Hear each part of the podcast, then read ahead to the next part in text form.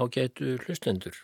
Fyrir rúmum 2000 árum eða árið 63 fyrir upphaf tímatals okkar eða fyrir Krist eins og lengst af var hefð að segja, þá reyndi maður nokkur að ræna völdum í Rómaborg. Ef það hefði tekist og þessi maður orðið allræðismadur eða einræðisherra til frambúðar í heimsveldinu sem Rómaborg var höfuðborg í, þá gæti verið að sögukablar okkar frá Rómarsögu væru allir aðrir en þeir eru. Sá mikli maður Július Cæsar væri þá kannski ekki annað en neðanmálskrein í sögunni. Mísefnaður framagósi, svolítið lægilegur hegóma spjátrungur, en ekki maðurinn sem lagði grunnað keisaraveldinu sem stóði í 500 ár og Ágústus keisari, Tíberius, hinn óði Kalikúla, Klauvin Klátius, hinn Trumpíski Nero, enginn þessara keisara hefði þá komist á valdastól. En í staðin væri Lucius Sergius Catilina, kannski frægasti maður fornaldarsögunar. Þá væri hann fyrsti keisari romverska keisaraveldisins. Nafn hans út um allt í söguritum sem skoða vestræna menningu og undir stöður hennar. Katilína, já, hann var mikilmenni, það er óhætt að segja, myndum en segja. Já, ef honum hefði lukkast að ræna völdum þarna árið 63. En það fór nú eins og það fór og ég er ekki að ljóstra hann einu upp þótt ég tæki fram strax að Katilína varð ekki allræðismadur í Róm Hann varð ekki fyrsti keisarin, hann varð ekki frægasti kallin í heiminum. Nei, Katilína varð ekki annað en neðanmálskrein í sögunni og í stað þess að nafn hans ummyndaðist í tignartitil æðsta stjórnarherra heimsins eins og nafn Júliusar Cesars umbreyttist í keisara, kæser, þar, kæsa, þetta eru allt útgáfur af nafni Cesars.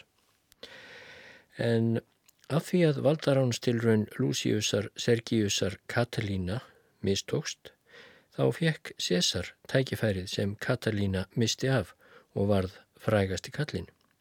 Annars myndum við kannski tala um Napoleon Katalína í Fraklandi eða síðasta Katalínan í Kína, ekki síðasta keisaran. En þótt Katalína hafi ekki náðað að ræna völdum og nafn hans hafi ekki þótt brúklegt í annað og tilkomu meira, en ágætan flugbát sem flögum sjó og landum miðja 20. stöld, kom reyndar oft hinga til lands, Katalína flugbáturinn. Þá er saga mannsins Katalína nú merkileg samt, því hún hefur að geima ímsanlærdum um samfélagi upplaust, um valdapott og samsæri og samviskuleysi og purkunarlösa pólitíkusa. Og hvernig alþýðan, blessuð alþýðan, skal æfinlega notuð sem skálkaskjól fyrir grímuglætta en hömlulöysa metorðakirni.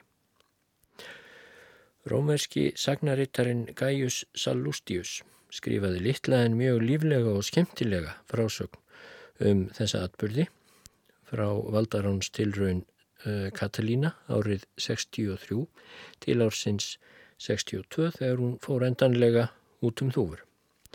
Katalínu samsærið hétt frásögn Salvustíusar og nú hefur Guðmundur Jóð Guðmundsson, sagfræðingur, þýtt frásögnina á íslensku.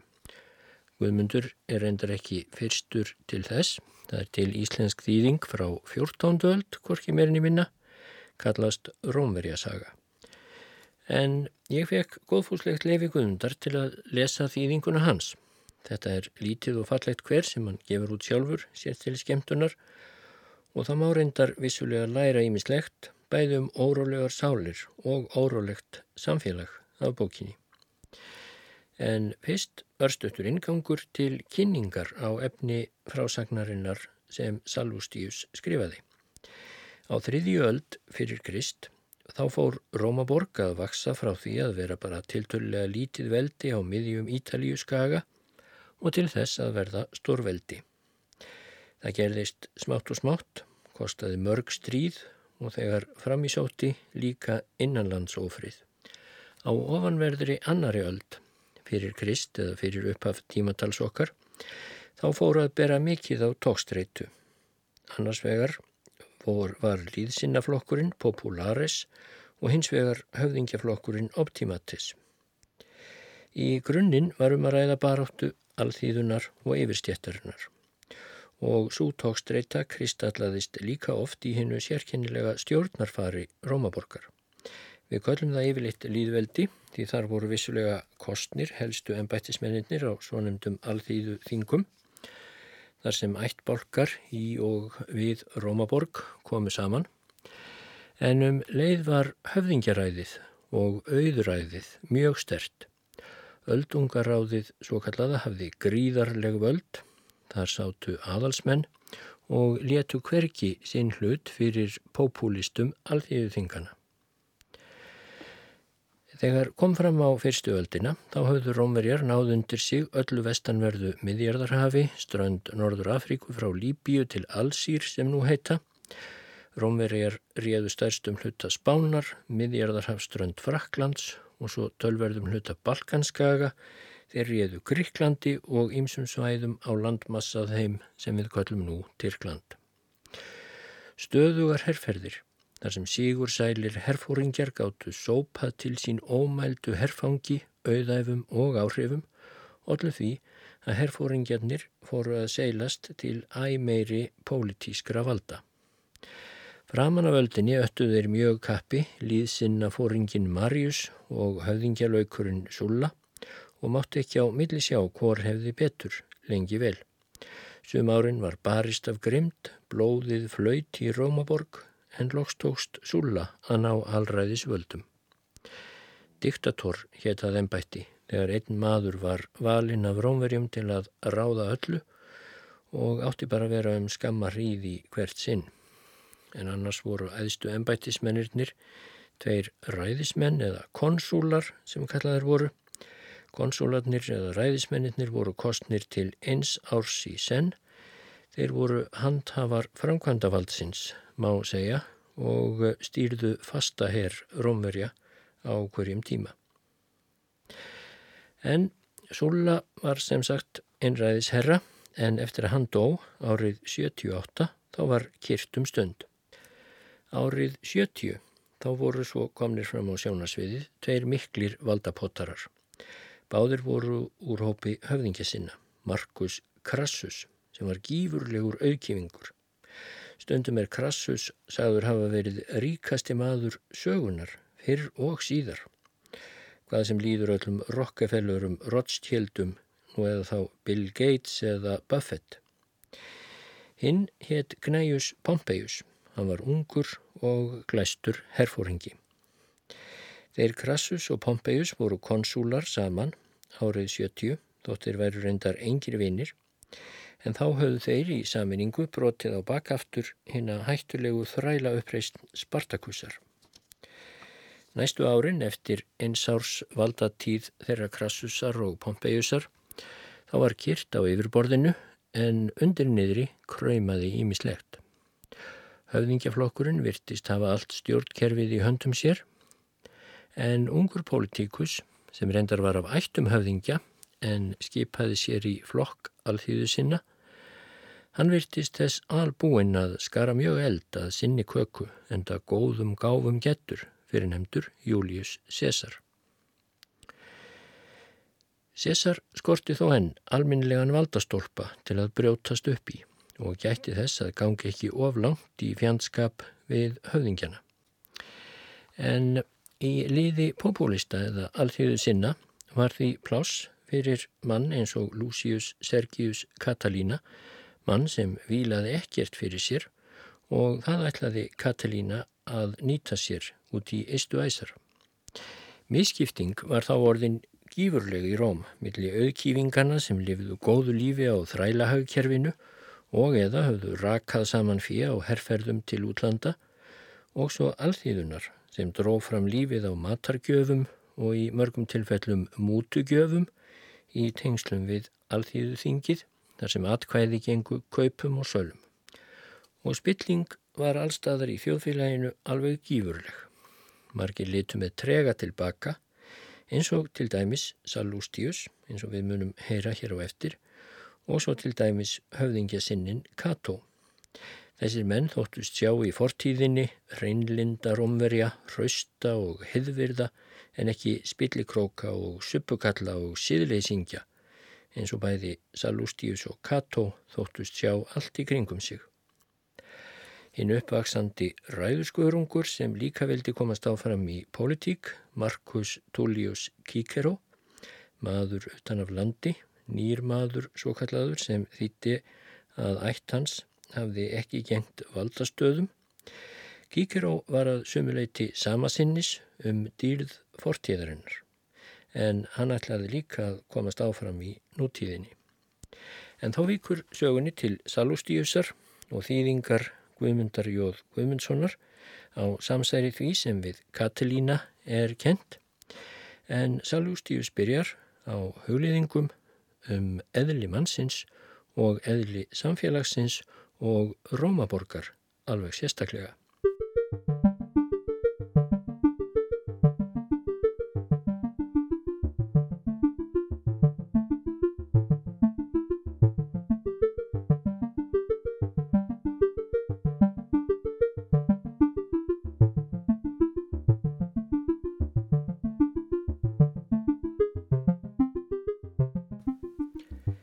Það er nöðsynlegt öllum mönnum að leggja sig fram um að haga lífi sínu svo að eftir því sé tekið og skara þannig fram úr dýrunum sem náttúran hefur ofurselt meldingarfærunum.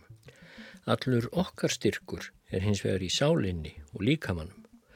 Sálinn stjórnar, líkaminn hlýðir. Hið fyrra eigum við sameinlegt með guðunum, hið síðara með skefnunum. Því sínist mér rétt að menn noti vitið til að afla sér orðstýrs en ekki tómt afl. Með þeim hætti lifir minningin um líf okkar lengi þótt mannsæfin sé stutt. Frægð af auði eða útliti er brotætt og fallvöld en orðstýr andans er eilífur og lýsandi. Döðlegir menn hafa löngum deilt um Hvort árangur í hernaði ráðist fremur af afli líkamanns en styrk sálarinnar. Því að áður en látið er til skara skrýða þá þarf að afla sér vittnesku og eftir að hafa lagt á ráðin þá fyrst er gripið til aðgerða.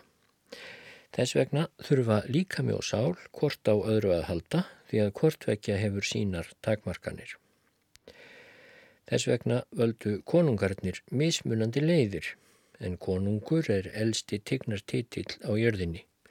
Sumir konungar eldu hugan, aðrir þjálfuðu líkamann. Á þessum tíma var líf mannana löst við ásokn í eigur annara, hver létt sér sitt næja. Síðar, þegar persakongurinn Kýros í Asíu og svo aðfinningar og spartverjar í Greiklandi hófaði leggja undir sig borgir og þjóðir, hafðu drottnunar gyrnina sem ofriðarsök og álitu mesta dýrð í sem stærstu heimsveldi, þá lærðu menn að lokum af hættum og andstreimi að í stríði skiptir vitið mestu. Ef andlegir hæfileikar konunga og stjórnenda nýttust jafnvel í friði sem stríði, þá myndi málefnum mannana vinda fram með jafnari og stöðugri hætti Hver höndin væri ekki upp á móti annari, sífæld stjórnarskipti, ringulreið og óreiða því það er jafn auðvelt að halda ríki sínu og að vinna það. En þegar yðjuleysi leysir vinnusemina af holmi og skemmtana fíkn og hróki koma í stað sjálfstjórnar og hugsunnar, þá breytist gæfa prinsins í samræmi við síðferði hans. Því sveiplast völdin ávalt til hinn sterkari frá þeim veikari. Árangur manna í landbúnaði, síklingum, byggingarlist er undir andlegum hæfileikum þeirra komin. Þrátt fyrir það hefur fjöldi döðulegra manna helgað sig veisluhöldum og mikill í kvíld og þeir líða gegnum lífið sem ómentaður og menningarsnauðir förumenn. Hjá þessum mönnum er líkaminn uppspretta ánæju en andin bara byrði. Að minni higgju eru líf og dauði þessara manna hvort öðru lík, þögnin umvefur hvort vekja. Ég fæ því ekki betur séð en maðurinn sé gerandinn í lífi sínu með sókn eftir afreikum, starfi sínu eða göfugu lífslaupi. Það er náttúran sem vísar hverjum og einum sína leið í ofgnótt tækifærana. Dýrlegt er að þjóna ríkinu með verkum sínum og ekki er það heldur tilgangslaust að þjóna því með orðum. Hægt er að geta sér gott orð jæmt í stríði sem friði. Hvorir tvekja eiga lofskilið, þeir sem unnu afreikin og þeir sem sögðu frá þeim. Ég gerir mér fulla grein fyrir því að sá sem skrifar um afreik fær minna lof en sá sem dáðina vann. Samt sem áður er það mitt mat að það sé vandaverk að skrifa um atbyrði. Í fyrsta lagi vegna þess að jafnvægi verður að vera milli framsetningar frásagnarinnar og þeirra afrekka sem sagt er frá. Því næst að ef sagt er frá því sem miður fór, þá hljóti ástæðan að vera ílgirni og öfund. En fremur, þá eru allir tilbúinir til að trúa frásögnum af digð og fræð góðra manna, teljið þeir sig standaðum jafnfættis, en að allt umfram það sé uppspunni ef ekki líi. Þegar ég var ungur maður þá fekk ég eins og margir aðrir áhuga á stjórnmálum. Þar mætti ég miklu andstreymi. Því að í stað hæverskrar yfirvegunar, digðar og hugrekkis þá blómstruðu mútur og ágirnd. Þótt sál mín leti þessa lesti fram hjá sér fara, en það var hún líkt kunnug slíkum ósiðum, þá viltist ég þó af réttri leið innan um svo miklu ódigð vegna veikleika æskunar. Þrá mín eftir viðurkenningu gerði mig að fornarlampi hins sama slæma orðspórs, öfundar og þrár. Eftir mikla heimd og hættur róaðist hugur minn og ég ákvaði að halda mig frá stjórnmálum þar sem eftir væri æfinnar. Ég ætlaði hins vegar ekki að sóa tíma mínum í hóglífi og leti Ég ætlaði heldur ekki að helga mig búskap eða eða æfin minni í erfiðisvinnu. Ég ákvað því að snúa mér aftur að því sem óheppilegur metnaður minn hafði beint mér frá að skrifa sögur umverja og velja til þess þá þætti sem ég til þess verða að segja frá og ég var því ákveðnari þar sem sál mín var frjáls undan von, óta og hlutregni í stjórnmálum. Ég mun því rita í stuttumáli og eins satt og kosturur á um samsæri Katalínu. Þann atburð tel ég sérlega áhugaverðan vegna þess hver sérstakur glæpur Katalínu var og hættulegur. En áður en ég byrja frásögnina sjálfa þá verði ég fyrst að greina stuttlega frá eðlistáttum þessam hans. Lucius Katalína var af göfugum ættum. Hann var sterkur og velgefin en illa innrættur. Frá því hann var unglingur þá nöyt hann innanlands ofriðar, mannvíga, rána og stjórnmáladeilina. Við slíka yðju eitti hann ungdómsárum sínum. Líka með hans gatt þólað ótrúlegt hungur, kulda og vökur. Katalína var hugdjarfur, undirförull og óáræðanlegur, hann var hræstnari og ólíkinda tól. Hann var ágjarn á eigur annara en útbær á sínar eigin. Hann var olmur í ástríðum sínum, málsnjall en skorti higgindi. Óupplýstur hugur hans þráði æfinlega, hið ómögulega, hið ótrúlega, hið stærsta. Eftir valdatíma Súla einræðis herra þá greip hann þrá eftir að ná völdum í ríkinu. En hann let sig einhver skipta hvernig hann færi að því svo fremið hann næði völdum. Hinn stríðalund Katalínu var frá degi til dags í sífelt ríkari mæli knúin áfram af vitundinni um fátækt sem hlaust af þeirri hegðun sem áður hefur verið líst. Almenn síðspilling hans ítti ennfremur á hann en hún var til af tvennskonar óskildu böli, munaði og græðki.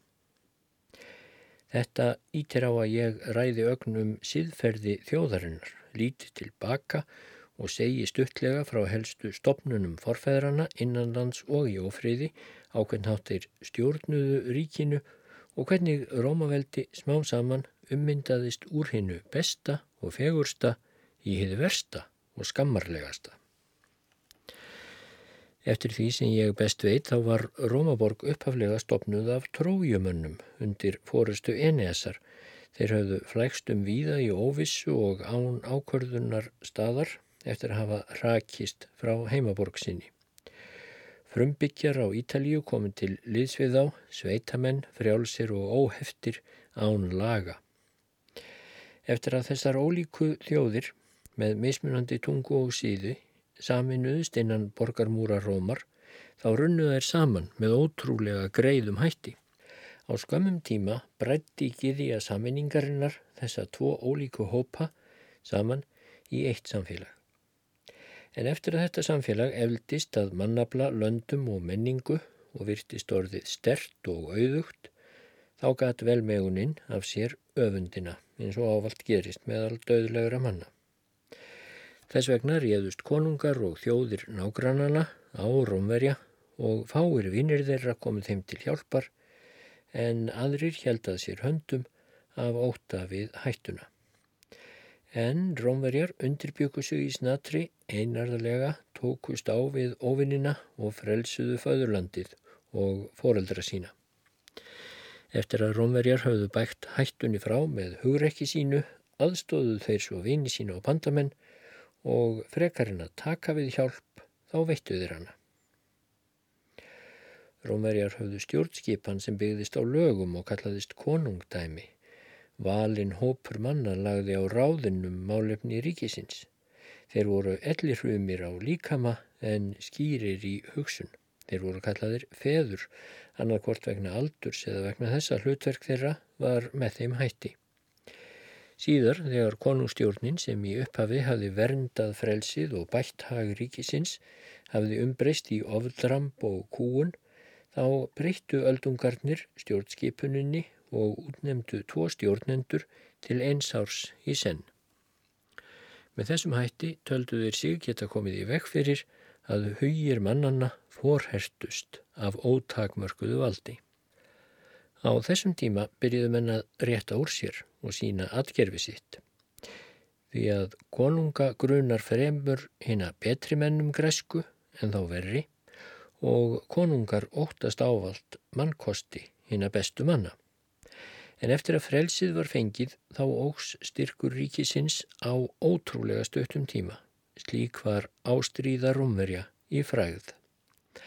Á þessum tíma um leið og ungumennirnir gáttu þólað harðaræði herrmennskunnar þá var þeim kent hernaðarlist í herbúðunum og þeir höfðu meiri áhuga á glæstum herrklæðum og stryðshestum en skækjum og gjálífi.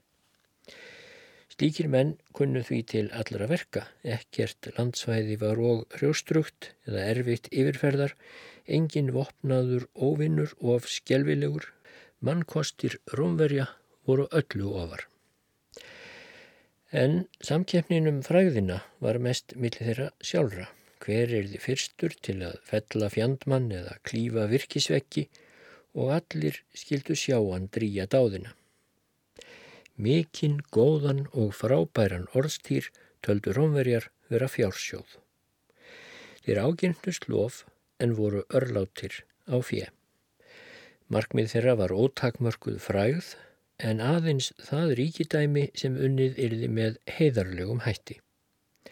Hægt er að telja upp þá staði þar sem rómverjar sigruðust á fjölmennum herjum fjandmanna og borgir vikirtar af náttúrunar hendi sem þeir herrtóku en það myndi fjarlægi okkur viðfangsefni okkar. Svo sannarlega ræður gæfan öllum hlutum. Það er fyrir tilstilli gæfunar en ekki sannleikans sem atbyrðir verða frægir eða ekki. Að mínum mati voru afreg aðhenninga til dæmis svo sannarlega mörg og mikilfengleg en samt ekki eins mikilvæg og þau virðast í frásögnum. Það er vegna þess að frá aðhennu komu snjallir rituvundar sem borið hafa afreg aðhenninga um gjörvallan heiminn. Því er það svo að orðspór þeirra sem afreikin unnu eru í samræmi við snild þeirra sem frá þeim sögðu. En rómverjar hafa á hinbógin alla tíð verið uppteknir af framkvæmdum.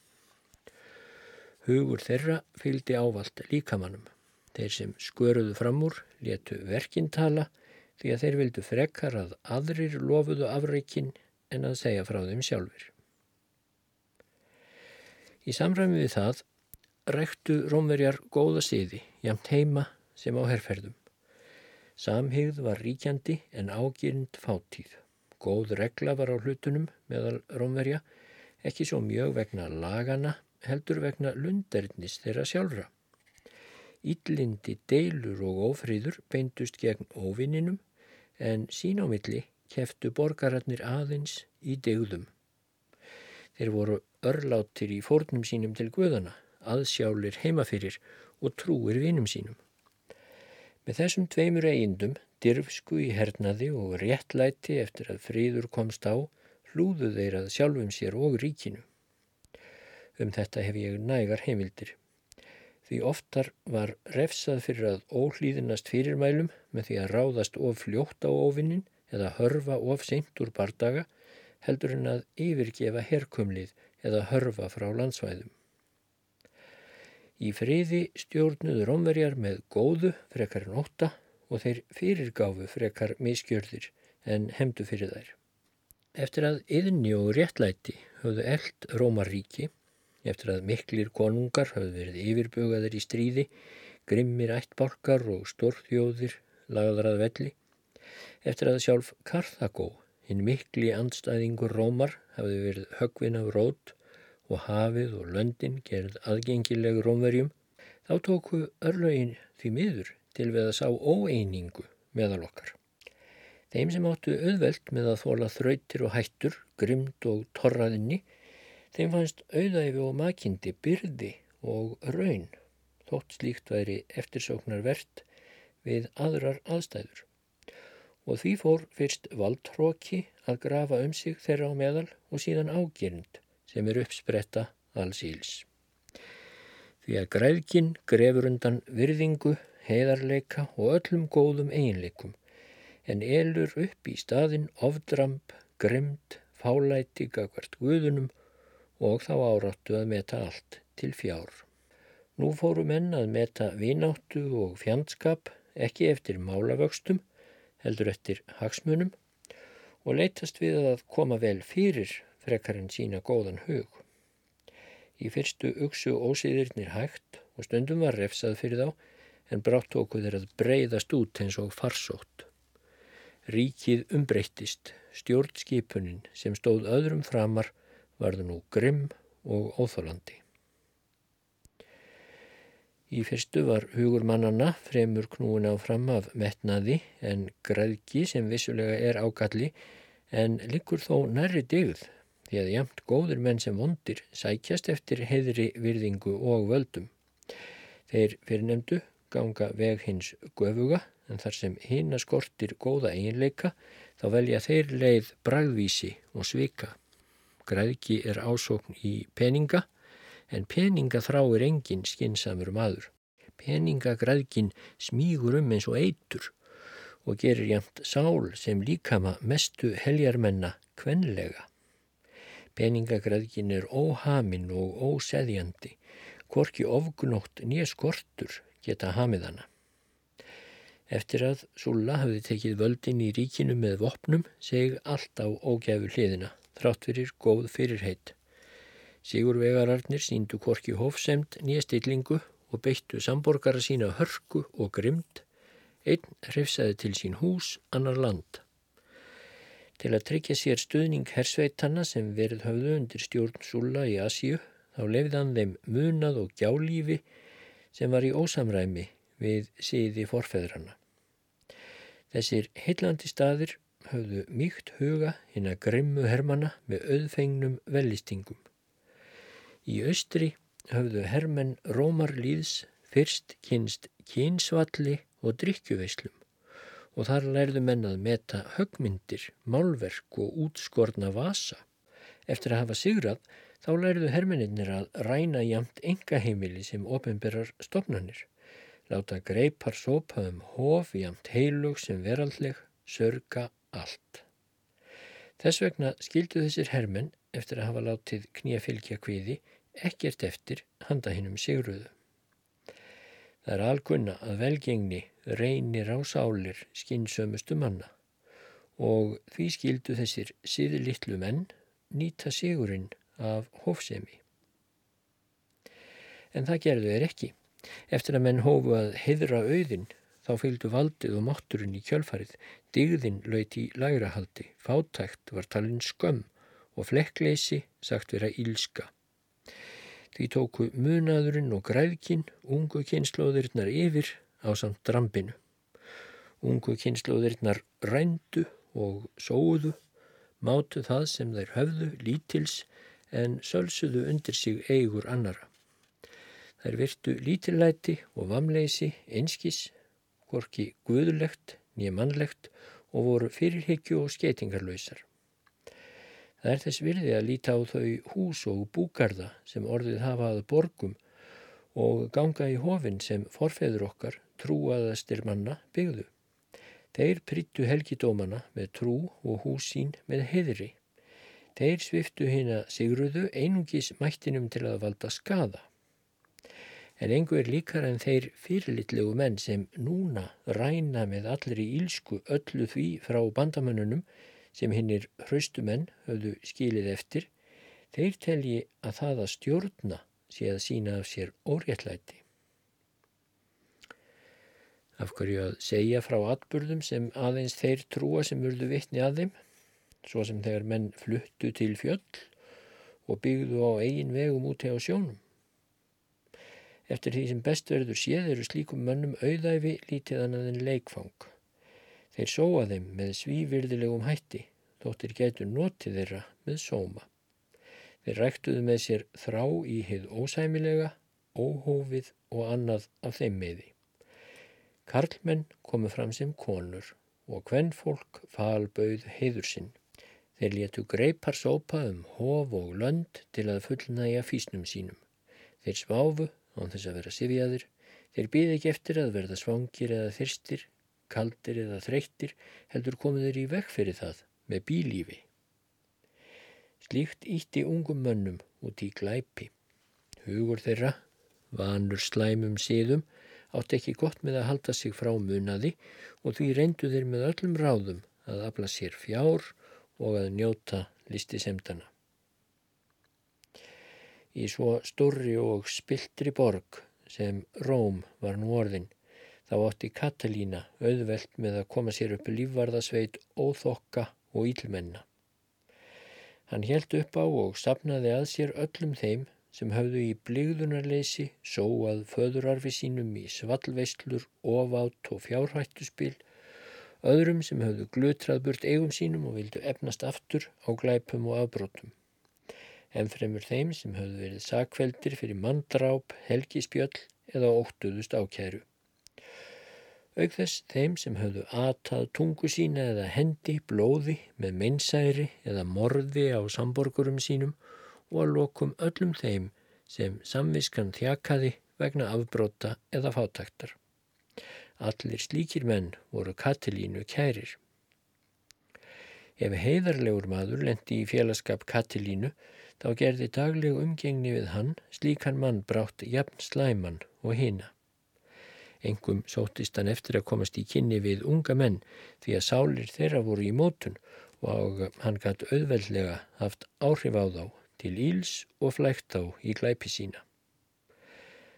Hann aðgætti hvaða ástríður brinnu í hverjum manni og suma kynnti hann fyrir vændiskonum, hann á öðrum keft hann hunda og hesta.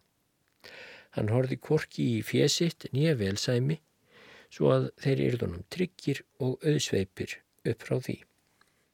Ég veit að þeir ungu menn sem komu reglulega í hús Katalínu mátu skýrlífi sitt lítils en fregnir af því bárust út með sterkum orðrómi en reyndar án sannana. Jáfnvel á unglingsárum sínum átti Katalína í mörgum ósæmilegum samböndum sem öll voru ólögleg. Samböndin voru við stúlkur af háum stigum og meira segja eina vestumegi en þeim var stránglega bannað að eiga í sambandi við karlmenn. Að lókum heitlaðist Katalína af Árelíu Órestillu en henni gæt engin góður maður hrósað um, nema fyrir útleitir. Áreilja heikaði við að giftast honum því hún óttaðist uppkomin stjúpsón hans.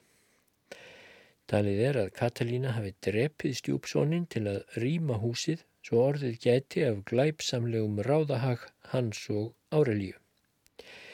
Ég tel að þetta hafi verið ástæðið þess að hann flýtti áallunum sínum. Óeirinn sál hans í andstöðu við guði og menn fann engan frið korki í svefni nýja vöku. Katalína var fölur á vangan, augnaráðið trillt, stundum flýttan sér, stundum hægðan á sér, svo grimmilega leik samviskan huga hans. Andlit hans og látbragð lísti vitfyringu.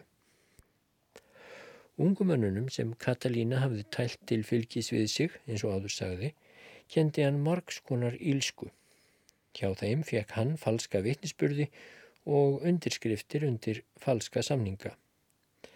Hann kvatti þá til að láta sér á samastanda um heiður, hamingju og hættur og þegar hann hafði grafið undan orðspori þeirra á virðingu þá kallaði hann eftir ennverri glæpum af þeirra hálfu.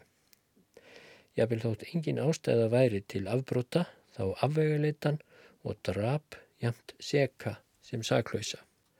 Fyrir að krennláta hendur þeirra og sálir verða afvannar vegna yðjuleysis Þá framdi hann tilgangslösa glæpi og ílvirki og hvati þá til að gera slíktið sama. En nú tók Katalína að leggja á ráðunum valdarán í ríkinu á samt þessum vinum sínum og félögum. Bæði að því hann skuldaði of fjárum allar trissur en líkaði vegna þess að margir af fyrverandi hermönnum Súla Alræðismanns höfðu nú sóað eigum sínum og myndust á fyrir tíma, sigra sinna og hins mikla herfangs sem þeir hafðu hlotið og voru því sólgnir í borgarstríð. Engin herr var þá á Ítalíu og Gneius Pompeius var í herrferð í fjarlægum löndum. Sjálfur hafði Katalína um þessar mundir góða vonum að ná kjöri sem ræðismadur og þar sem öldungaráðið var grandalvist og allt þar að auki með kyrrum kjörum þá var þetta upplagt tækifæri fyrir hann. Í byrjun júni Á ræðismanns ári þeirra Lúkiusar Kesars og Gaiusar Fíkulusar þá kallaði hann stuðningsmenn sína til sín, fyrst einn í einu. Hann kvatti suma en fristaði annara. Hann vísaði til auðafa sinna að ríkið væri óviðbúið um þessar myndir en mikils ávinnings væri að vanta af samsærinu. Þegar hann hafði aflað þeirra upplýsinga sem hann þarnaðist, kallaði hann saman þá sem fíbldjarfastir voru og í mestri nauð. Í þeim hópi voru að minnstakosti tugur öldungarháðsmanna og fimm úr rittarastjett og þarfir utan margir menn af aðalsættum frá nýlendunum og hérraðsborgunum. Margir aðalsmenn tengdu steitning samsærinu með nokkuð óljósum hætti, menn sem voninum völd, kvatti frekar áfram en fátækt eða bein nöðsinn. Margir aðrir ungir menn aðhyldust áform Katalínu, þóttir ættuðis kost að lifa góðu lífi á friðsælum tímum. Þeir kusu tál sín í stað vissu, stríð í stað friðar. Á þessum tímum töldu margir að hinn auðugi Markus Krassus hefði haft einhverja vittnesku um samsæri Katalínu því að helsti andstæðingur hans, Gneius Pompeius, hafði yfir öflugum herað ráða. Krassusi var ósýnd um að völd einhvers ykjust á kostnað óvinnar síns. Hann var þessi einnig fullviss að ef samsærið hefnaðist þá erði hann sjálfur brátt á meðal helstu fórastumanna ríkisins. Þess skal getið að sagt er að Katalína hafi áður gert tilraun til að ná völdum í Rómaborg. En frásagnir af því eru um margt óljósar, svo látum þær líka millir hluta. En eins og ég sagði hér að framann, þá hafði Katalína oft rætt við menn sína hvern fyrir sig, en nú þegar hann sáð á alla samankomna hjá sér þá taldi hann rétt að hvetja þá og tala við þá. Hann fór því í annan hluta húsins, útilokaði öll vittni og helt ræðu yfir mönnum sínum. Svo hljóðandi var þessi ræða. Ef ég hefði nú ekki þegar reynd heiður ykkar og trúmennsku, hefðu þessar björtu vonir og mikla vald fallið mér í skaut án tilgangs og ekki myndi ég heldur grípa vissu í stað óvissu með hjálp dusilmenn og hugleysingja. Því hef ég kynst í mörgum og stórum haska að þið eruð hraustir og trúir mér. Vegna þess að þið og ég erum á sama máli um hvað sé gott og hvað sé ílt og hvað við viljum og hvað við viljum ekki, þá hef ég öðlast hugrekki til að hrinda í framkvæmt mikilli og fagurri áætlun. Slíkt er sönn vináta. Það sem ég hef í huga hefur verið útskýrt fyrir ykkur hverjum og einum. Sál mín brennur ákaft á dag hvern þegar ég hugsa til þess við hvaða aðstæður við munum búa í framtíðinni ef við frelsum okkur ekki sjálfur. Frá því að ríkið, lögin og völdin lendu í höndum fára voldugra manna hér í borginni þá færa konungar og ráðamenn þeim virðingargjafir en almenningur og þjóðir eru skattþegnar þeirra. Allir við hinnir, góðir, yllir, aðalsmenn og almenningur við um múgurinn, án valda og áhrifa, þeim undirgefnir, en ef stjórnskipunin væri réttlátt, þá ættum við að vera uppspretta óta, af því að allt vald, áhrif, embætti og auður eru hjá þeim eða þar sem þeir vilja hafa þau, þá kemur ótti óréttlæti, höfnun og fátækt í okkar hlut. Hversu lengi í ósköpunum hraustir menn ætli þið að þóla þetta? Er ekki betra að deyja hetjudauða en gispa gólunni í vesöld, vannsæmd og skömm, leiksoppar, hróka annara? Svo sannarlega við trú, guða og manna, þá eru sigur og auður nú innan seilingar. Við erum í blóma lífsins, hughraustir, Hínum hafa árin aðeins fært elliglöp. Látum nú til skararskríða, þá kemur annað af sjálfu sér. Svo sannarlega, hvaða maður sem manns myndir á getur þólað að þessir öldungar velti sér upp úr auðnum, byggi á hafi úti og fleti út fjall meðan við eigum vart til nýfs og skeiðar. Meðan við höfum ekki einu sinni eldstæði fjölskyldunar þá sameina þeir hallir sínar tvær, jáfnvel fleiri. Þeir sankaði sér málverkum, högmyndum og lámyndum, þeir riðja burt því sem er nýtt og byggja annað í staðin. Þegar öllur á botning kvöld þá misnota þeir auðsinn gengdarlaust, valda tjóni og þrátt verið sterkan vilja ráða þeir sér ekki gagvart auðæfum sínum. En heimili okkar eru snöð, skuldir fyrir dýrum, hörmungar, vonleysi og að lokum kemur gennaðin veselt loftið í okkar hlut. Svo sannarlega rýsið nú upp. Lítið á, hér er frelsið sem þið hafið svo oft óskað ykkur og handan þess eru í sjónmáli auður, heiður og fræð. Allt þetta veitir hamingjan hinn um sigur sæla. Verkefnið, tækifærið, hættan, þarfir ykkar, herfangið, það kvetur ykkur meira en orð mín notið mig annarkvort sem fóringi ekkar eða óbreyttan Hermann, gorki sál mín nýja líkami mun frá ykkur víkja, hvort heldur verður úr. Ég vonast sem ræðismadur til að hjálpa ykkur til að framkvæma þetta, nema ég sé ef til vill að blekja sál mína og því séu sáttari við að þjóna en stjórna. Eftir að hafa hlýtt á þessa ræðu, þá báðu margir þessara manna menn sem höfðu orði fyrir margskonar ógæfu og sáu hvorki vonar glætun ég leið út úr ógöngunum og virtist ringulreið þess vegna næg umbun þeir báðan samt að útskýra við hvaða aðstæður stríðið er þið háð, hvaða herfang vopnin gæfu og hver er þið ávinningur þeirra og hvar. Þá lofaði Katalína þeim niðurfellingu skulda, embættum, preststöðum, herfangi og öllu því sem sigurvegarar í stríði fá í sinn hlut, auk þess sem auðmenn yrðu settir á dauðaskrár. Þegar hann og uh, Gaius Antonius yrðu ornir ræðismenn, þá myndan rinda áallun sinni í framkvæmd. Einnig heldi hann svífyrðingum yfir alla hiðvirða borgara og lofaði fylgismenn sína hvern fyrir sig.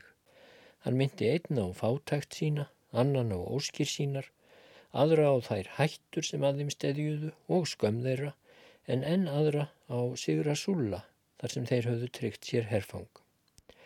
Þegar hann sá að þeir brunnu í andanum, sleitt hann fundi og hvatti þá til að hafa frambóð sitt til ræðismanns í huga. Það er sagt að eftir að Katalína lauk ræðunni hafi hann látið skál með mannsblóði blönduð með víni ganga millir félaga sinna í glæpnum og sannfærði þá um að sverja eigð þess efnis að bölfun fylgdi þeim sem berðu á driknum en gerðust síðan svikarar við málstæðin, eins og venja er í hátíðlegum eigðum. Katalína greindi nú frá ráðagjörði sinni og er sagt að hann hafi lokið máli sínu með þeim hætti að allir þeir sem höfðu vittnesku um ílvirkið á samvisku sinni, þeir myndu vera hver öðrum trúir. En það verður að taka fram að aðrir telja að þetta og margt annað hafi verið spunnið upp af þeim sem vildu draga úr þeirri andúð sem magnaðist síðar gegn Kíkeró með því að íkja ílvirki þeirra sem teknir höfðu verið af lífi. Sönnunargögn í svo mikilvægu máli hef ég hins vegar engin. En uh, þá líður að sjálfu samsæri Katalína en það verður að býða næsta þáttar.